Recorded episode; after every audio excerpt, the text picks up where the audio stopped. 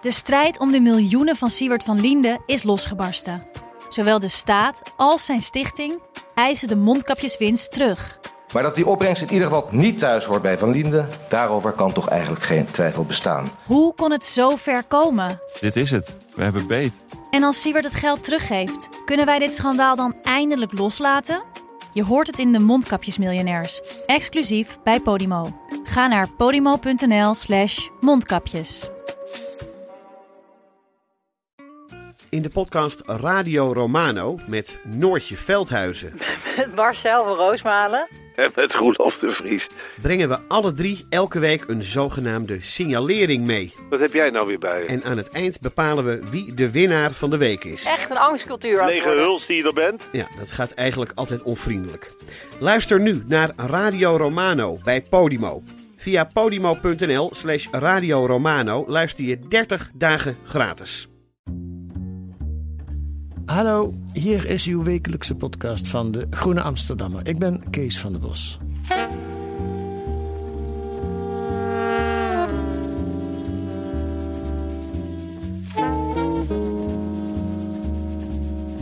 Sascha Hilhorst woont en werkt in Engeland. En dan niet in Londen, waar verder alle andere buitenlanders werken, maar in Mansfield in Midden-Engeland. Midden-Noord-Engeland. Ze schrijft deze week in De Groene over de onmogelijke nieuwe economie van Engeland. Engeland na de Brexit. Hoe gaat het daarmee? Dag Sascha, welkom in de podcast. Hoi hoi. Eh, ja, jij zit thuis in Mansfield aan je, aan je bureau, neem ik aan, aan de telefoon. Ja, daar woon je? ja, ja, daar woon ik voor mijn promotieonderzoek. Oké, vertel eens, hoe komt de mens terecht in Ma- Mansfield? Ja, ik was op zoek naar een plek waar je die economische en politieke verschuivingen heel goed zou kunnen zien. En Mansfield is daar echt het, het allergrootste voorbeeld van. Want het was een hele grote eh, mijnwerkersregio, een heel sterk industriegebied. En dat is allemaal heel rap verdwenen. Ja. En het is ook nog eens politiek heel erg verschoven. Want het was altijd Labour, Ja. heel trouw Labour. En sinds 2017 niet meer. Oké, dus het is een heel bewuste keuze voor het onderwerp van je studie eigenlijk. Ja, precies. Dus ik ben hier voor mijn, voor mijn onderzoek. Aha. En ehm, dat onderzoek, wat is dat? Eh, het is een promotietraject aan de London School of Economics. Dus daar heb je Londen wel weer. ja. Eh, zoals alle andere buitenlanders. ja, ja. En, en eh, vertel, waar, waarop ga jij promoveren? Ehm, dus ik ben, zit in de sociologie. Ja. En ik kijk ernaar hoe mensen hier in Mansfield ehm, de politiek begrijpen. Hoe ze erover praten. Hoe dat relateert aan hun eigen leven. En ook aan die veranderende regio om hen heen. Dat is ook het onderwerp van jouw doctoraal these. Oké, en, en hoe kom je daarop, op dit onderwerp? Ik had ehm, een tijd gewerkt voor denktanks. En dan deed ik grote focusgroepen. En dan drie uur lang dan zeggen mensen van alles over wat ze vinden. en Engelse denken. denktanks of Nederlandse denktanks? Engelse denktanks. Oké. Ja. Oké. En dan zeggen mensen drie uur lang zeggen ze van alles. En dan zeggen ze dit is goed en dit is slecht en ehm, dit is wat ik ervan vind. En dan aan het einde van de avond dan ging ik weer naar huis en dacht ik ja, fascinerend wat ze allemaal zeggen en vinden. Maar waarom? En het was heel moeilijk om te begrijpen waar dat vandaan kwam, wat de context was die eh, dat soort dingen betekenisvol maakte. Dus ik wilde er heel graag dieper in. Ja. En wat probeer je precies te begrijpen? La- Laat ik het in mijn woorden zeggen, dan kun jij zeggen of ik het goed zeg of niet. Het is de overgang van de oude, pardon, de overgang van de oude Engelse industriesteden, industriegebieden, naar de moderne economie. Ehm, en wat dat voor, met name voor gevolgen heeft in de periferie. Dus niet in de centra waar het allemaal al het geld naartoe gaat, eh, zoals Londen. Wat ook in Nederland ehm, speelt, die ontwikkeling. Eh, al het geld gaat naar de Randstad of naar een paar economische regio's. En daaromheen zitten ja, de- losers, de verliezersregio's, die, eh, die maar moeten zien te overleven. Is dat ook, vat ik het zo goed samen? Ja, absoluut, dat is het. Oké, oké. En het is ook net als in Nederland, in, in Engeland een gevolg van bewust politiek beleid.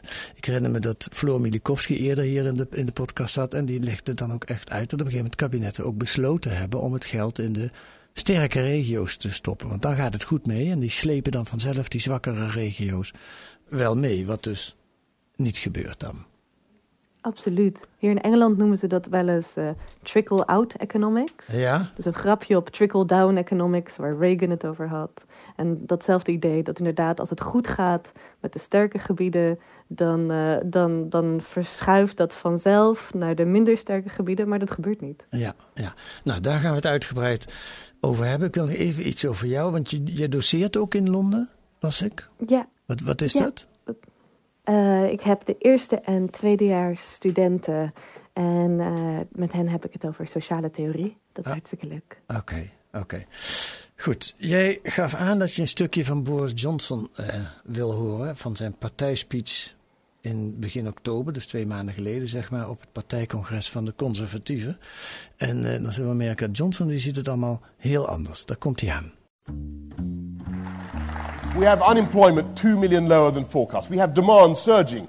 And I'm pleased to say that after years of stagnation, more than a decade, wages are going up faster than before the pandemic began. And that matters deeply because we are embarking now on a change of direction that has been long overdue in the UK economy. We're not going back to the same old broken model with low wages, low growth, low skills, and low productivity, all of it enabled and, in, and assisted by uncontrolled immigration. And the answer to the present stresses and strains, which are mainly a function of growth and economic revival, is not to reach for that same old lever of uncontrolled immigration, to keep wages low. Nou, Boris Johnson gaat het allemaal helemaal anders doen. Dat is wat hij hier zegt eigenlijk, hè? Ja, precies. Een hele nieuwe economie is Ja. uh, wat hij hier belooft. Ja. Um, en daar klopt eigenlijk helemaal niks van. Denk ik dan. Nee. Tenminste, Nee, uiteindelijk, uh, uiteindelijk zie je het hier gewoon niet. Want hij heeft het over gebieden zoals Mansfield, Ja. waar ik ben. Mhm. En in plaats van dat we hier een nieuwe economie zien ontstaan met uh, goed betaalde banen en um, veel werk, zien we eigenlijk eerder een verdieping en versterking van, de, van die oude economie, waarvan hij zegt dat hij er vanaf wil. Ja. Dus tijdens de pandemie zijn hier veel winkels dichtgegaan, maar er is wel een gigantisch distributiecentrum van Amazon geopend. Ja, dat is de nieuwe economie, hè? De, de, de, de distributiecentra. Ja, precies. En die worden soms zelfs gebouwd bovenop de oude mijnen. Ja. Dus het is dan heel letterlijk de nieuwe economie Ja. bovenop de oude economie. Ja, want Mansfield, ik, ik ken het niet, maar in jouw artikel heb je het een beetje beschreven. Het, schilder het eens voor ons. Wat was Mansfield tot in de jaren 60, 70 voor soort stadje en wat is het nu? Ja, en zelfs later nog dan dat. Want het zit bovenop een van de allerrijkste kolenbekkens van, uh, van Groot-Brittannië. Dus er zit Mhm. extreem veel kolen in de grond. Oké. Dus je had overal mijnen. Ja. Um, en daarnaast had je ook allerlei andere industrieën. Dus je had de textielindustrie, daar gingen vooral vrouwen werken. Dus tot in de jaren tachtig was het zo dat als jij op de middelbare school zat in Mansfield, als je een jongen was, dan was de verwachting dat je in de mijnen ging werken. En als je een meisje was, was de verwachting dat je in de textielindustrie ging werken. En er was een brouwerij, er werden schoenen gemaakt, er was van alles. En dat waren goed betaalde banen. Ja, ja. Tot in de jaren tachtig ongeveer. Toen werden die Mhm. mijnen gesloten. Die textiel die verdween naar lage lonenlanden. Um, wat, wat betekende dat soort veranderingen voor Mansfield? Ja, op allerlei manieren viel het, uh, viel het een beetje uit elkaar. Want die mijnen die boden niet alleen werk, maar het was ook zo dat elke mijn had een voetbalveld en een cricket pitch Hm. en een band. Uh, en dat hield zo die hele gemeenschap aan elkaar. En er waren allerlei winkels die natuurlijk afhankelijk waren van die salarissen van de mijnwerkers. Bijvoorbeeld een tabakswinkel bij de bushalte waar de mijnwerkers de bus namen naar, naar de mijn. Hm. Nou ja, die ging natuurlijk ook failliet vervolgens. Dus je hebt heel veel mensen. Ik heb heel veel mijnwerkers gesproken. Die zeiden: Ja, ik heb daarna een baantje gekregen bij de gemeente. Of een baantje in een distributiecentrum. Maar daar verdiende ik de helft van wat ik daarvoor verdiende. Ja, ja. ja, want dat is wel goed om daarop in te gaan. Voor jouw promotieonderzoek doe je urenlange interviews met mensen die die verandering in hun eigen leven hebben moeten meemaken. Hè? Ja, ja absoluut. Geef, geef daar eens wat voorbeelden van. Wat tref je dan? Ja, dat is, dat is fascinerend. Dus ik heb de afgelopen maanden 60 interviews gedaan. Dus echt veel. In Mansfield? In Mansfield. Ja. Dus ik sprak bijvoorbeeld een man die vertelde dat hij precies was opgegroeid op het moment dat het aan het verschuiven is. Dat die oude zekerheden aan het verdwijnen zijn. Dus het was voor mensen die net een paar jaar ouder waren dan hij, was het een gegeven dat je altijd een baan kon krijgen in de mijn. Hoe slim je ook was, of als je juist meer praktisch was. Er stond een baan voor je te wachten. En terwijl hij op de middelbare school zat, verdween dat. Dus opeens was die zekerheid weg. Opeens uh, was het niet meer een gegeven dat je zomaar een goed betaalde baan kon krijgen. En hij zag de gevolgen daarvan zelf. Dus hij zag um, dat opeens het centrum van het stadje in verval raakte. Hij zag op zijn eigen school dat er opeens drugs waren. Dat mensen uh, in zijn eigen vriendengroep uh, een beetje verdwenen. En dat je dan belde naar hun moeder en zei: hey, ik, heb, ik heb die en die al een hele tijd niet meer gezien in de kroeg. Waar is hij? Dat zijn moeder zei, ja, ik weet ook niet waar die is. En dan later kwam je erachter dat ze aan de heroïne waren gegaan. Dus echt hele extreme voorbeelden van een stadje in verval. Ja, ja. En die, die man, hoe oud was die man die, die, waar je het nu over hebt? Hij was nu in de veertig. En wat, en wat doet hij nu? Hij was een van de mensen um, waar het wel goed mee is gegaan. Dus hij is uiteindelijk aan de slag gegaan bij een groot bedrijf uh, dat huizen bouwt. En hij verdient nu goed geld. Dus er zijn ook zeker mensen die hun plek hebben gevonden in, um, in, nieuwe, in nieuwe industrieën. En dan bijvoorbeeld bij het bouwen van huizen. Want er wordt wel degelijk heel veel gebouwd. De grond is goedkoop hier. Hm. hm. En voor wie wordt er dan gebouwd? Zijn er nog mensen die willen komen wonen in Mansfield? Ja, mensen willen uiteindelijk natuurlijk gewoon een huis. Maar ook dat is wel weer lastig. Want het lokale bestuur wil vooral heel erg graag hoogopgeleiden aantrekken. Maar er is niet echt werk voor hoogopgeleiden hier.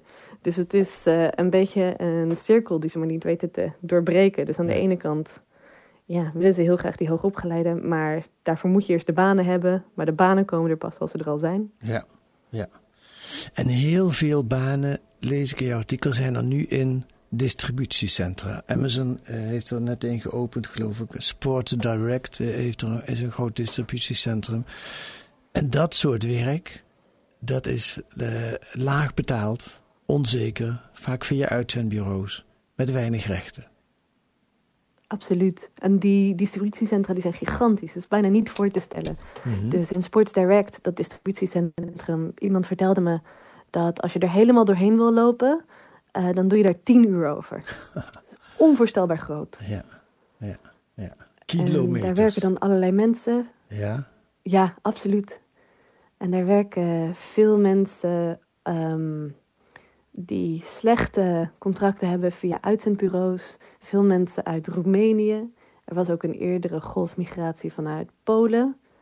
Um, en dat heeft die stadjes veranderd in dat het werk veel minder zekerheid biedt ja. dan werk in eerdere periodes deed. Ja, nou is dit een ontwikkeling die ook in Nederland plaatsvindt. Misschien iets minder schrijnend dan in Engeland. Maar ik bedoel, het heeft alles te maken met de neoliberale opvatting dat je de sterke moet, uh, vooruit moet helpen en dat dan de armen vanzelf volgen, wat dus vaak niet gebeurt. En ook in Nederland is de, de arbeidszekerheid enorm afgenomen. De flexibilisering, nul uren contracten, afijn, dat is allemaal bekend verhaal. Um, wat voor rol speelt de brexit bij dit alles? Ja, zeker een grote rol. Um, dus het is en een gebied waar heel veel mensen voor brexit hebben gestemd. Dus in Mansfield is het meer dan 70 procent. Waarom hebben die allemaal um, voor de brexit gestemd? Weet je dat? Ja, daar, daar, heb ik natuurlijk wel ideeën over. Want ik heb met super veel mensen gepraat. Ja. Je hoort heel verschillende dingen. Dus voor sommige mensen is het een principe ding. Dat ze zeggen, ik wil niet dat Duitsland ons vertelt wat we wel en niet mogen doen. Mm -hmm. Voor anderen gaat het heel erg over migratie. Uh, um, en weer anderen um, die zeggen, ja, nou ja, we moeten gewoon verandering. Het gaat niet goed met deze plek. En er moet iets anders. Hm. Misschien gaat de brexit het oplossen. Ja, dat was, dat was voor sommige mensen in elk geval wel de hoop.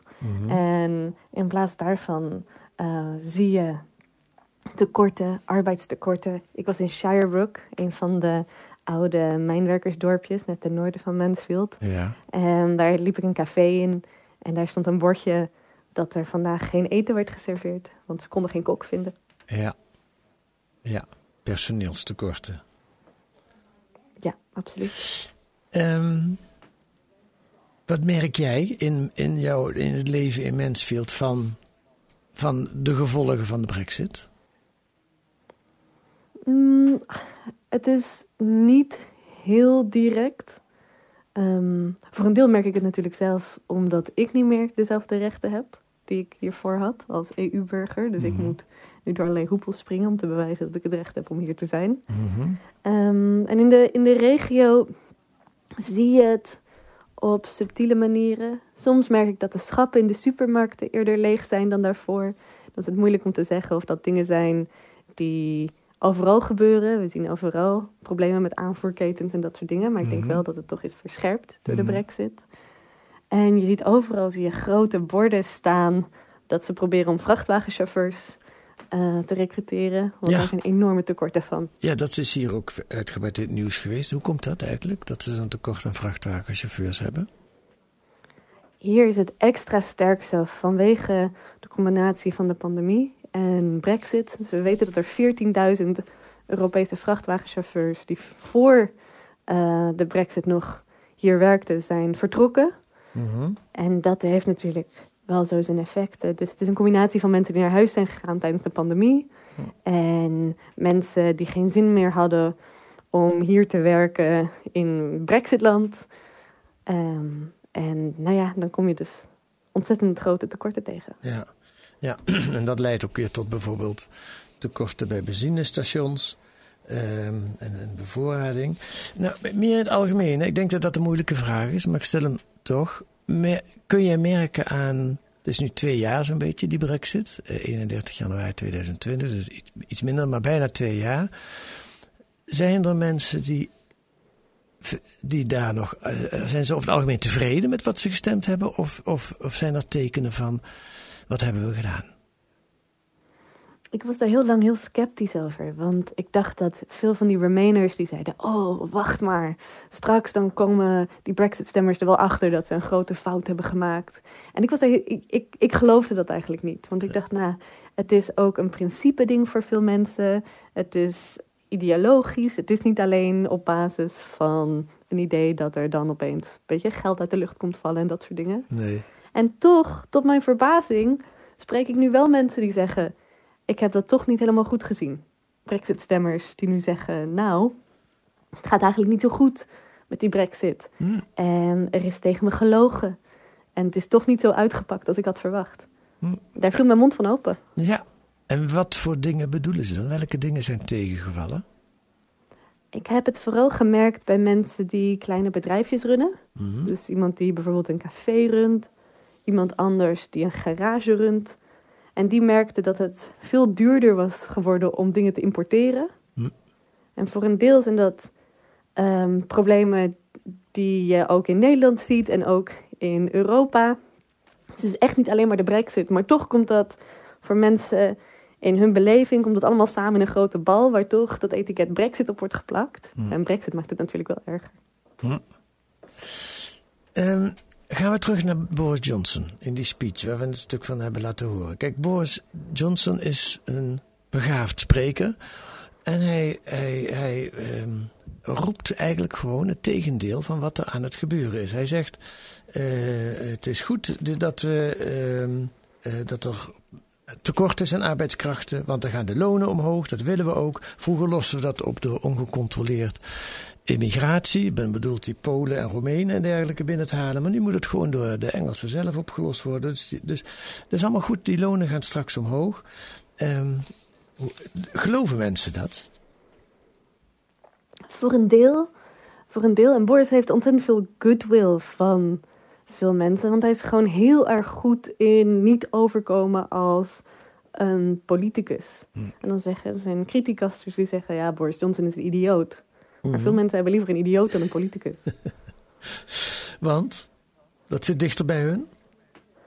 Ja, en nou ja, politici, daar hebben mensen echt een gigantische hekel aan hier. Dus Ja. bijna iedereen die ik spreek, die zeggen: het zijn alleen maar leugens, leugens, leugens. En er wordt van alles beloofd. En zeker in deze regio is het ook al waar dat er ontzettend veel is beloofd.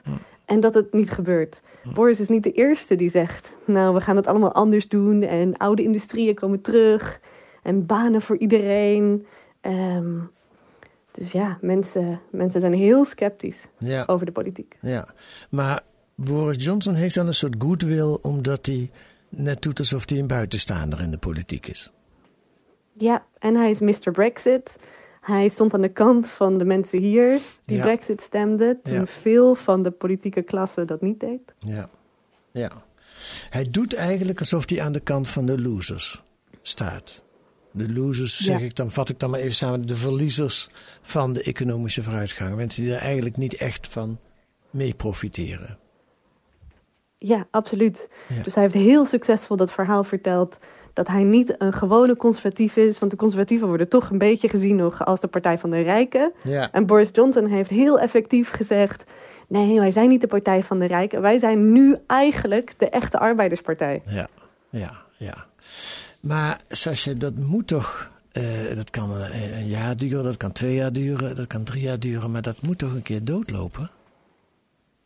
Ja, dat denk ik wel. Want er zit gewoon een tegenstelling in. Ja. Want als je kijkt naar de coalitie die Boris Johnson in het zadel heeft geholpen, de mensen die voor hem hebben gestemd, uiteindelijk zijn dat voor een heel, heel, heel groot deel zijn dat huizenbezitters. Dus Boris Johnson in zijn speech is heel enthousiast over dat de lonen omhoog gaan en banen en goed betaalde banen. Maar als de lonen hard stijgen terwijl de productiviteit niet stijgt, dan heeft dat gevolgen voor inflatie. Dan heeft dat gevolgen uiteindelijk eh, voor de rentestand. En dat heeft uiteindelijk economische gevolgen voor die huizenprijzen. En dat is het ene ding wat hij zich echt niet kan permitteren. Is als de huizenprijzen omlaag gaan. Want daar zit de kern van zijn aanhang. Precies, dus dat is gewoon een tegenstelling. Boris Johnson zegt, we kunnen, het kan allebei. Ik kan en opkomen voor al die huizenbezitters en we kunnen hogere lonen. En we gaan niet investeren in de productiviteit. Nou ja, Ja. dat kan niet. Nee.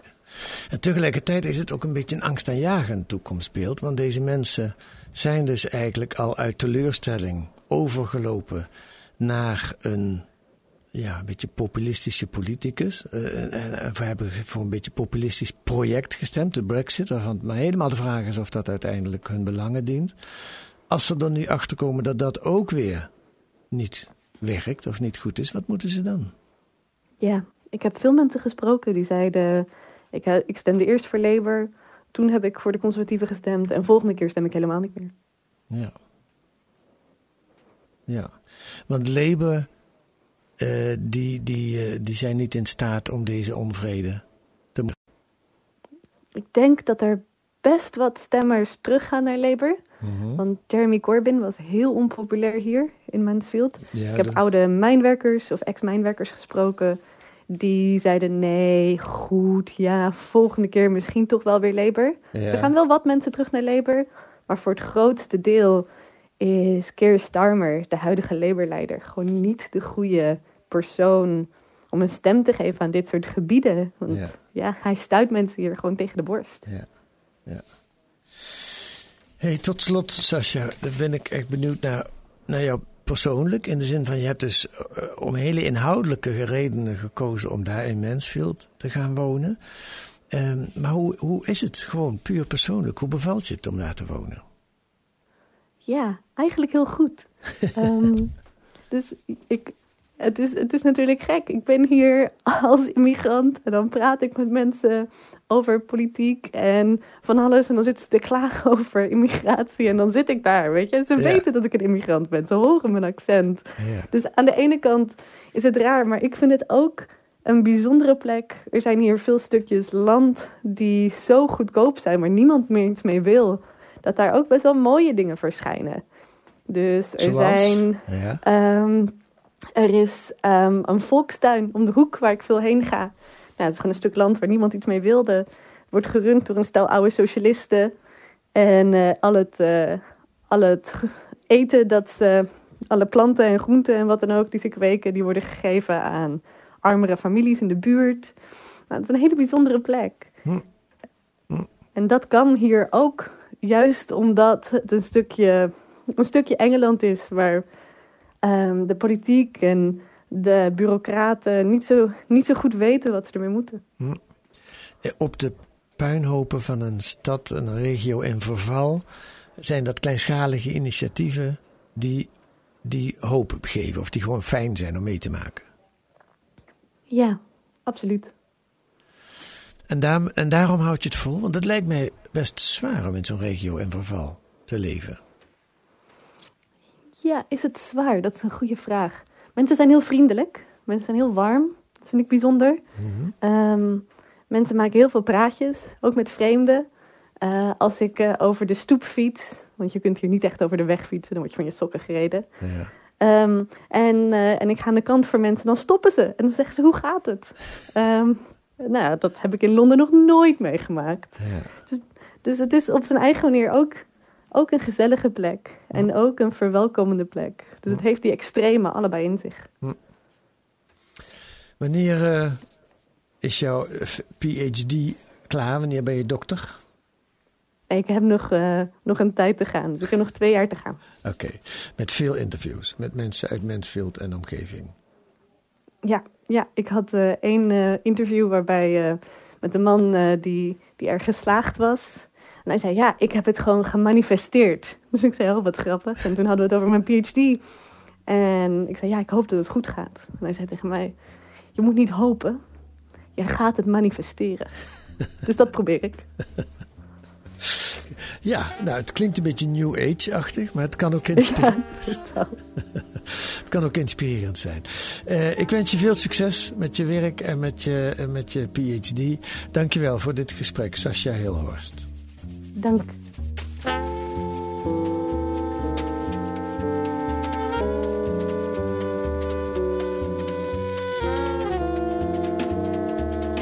Wat staat er nog meer in de Groene deze week? Ehm, dan moet ik even naar dit blaadje. Een uitgebreid portret van Eric Zemmour, de polemist, die deze week bekend maakte dat hij zich kandidaat stelt voor de Franse presidentsverkiezingen het komend voorjaar. Le train français, concludeert het stuk. Hij wil terug naar een katholiek land waar vrouwen, homo's en moslims hun plek kennen. En verder een onderzoek naar de inhoudelijke ondersteuning van Tweede Kamerleden. Daar wordt al heel lang over geklaagd dat dat te weinig is. Er is extra geld voor gekomen. Maar blijkt nu dat geld lekt weg naar andere zaken. Of het wordt zelfs soms helemaal niet gebruikt. Nou, dat en het stuk van Sascha Hilhorst volgende week. In de Groene Amsterdammer. U kunt het lezen met een abonnement of een proefabonnement. Ga dan naar groene.nl. Daar leest u hoe u 10 weken de Groene kunt krijgen voor 15 euro. Groene.nl. Wilt u reageren op deze podcast, dan kan dat via het mailadres podcast.groene.nl. U kunt ons ook sterren geven in uw podcast-app of een korte recensie. Daar worden wij weer blij van. Volgende week zijn we er weer met analyses en achtergronden bij het nieuws in deze podcast van de Groene Amsterdammer, die deze week werd gemaakt door Paula Leijsen en Kees van der Bos. En de muziek is zoals altijd de Tune for N van Paul van Kemenade.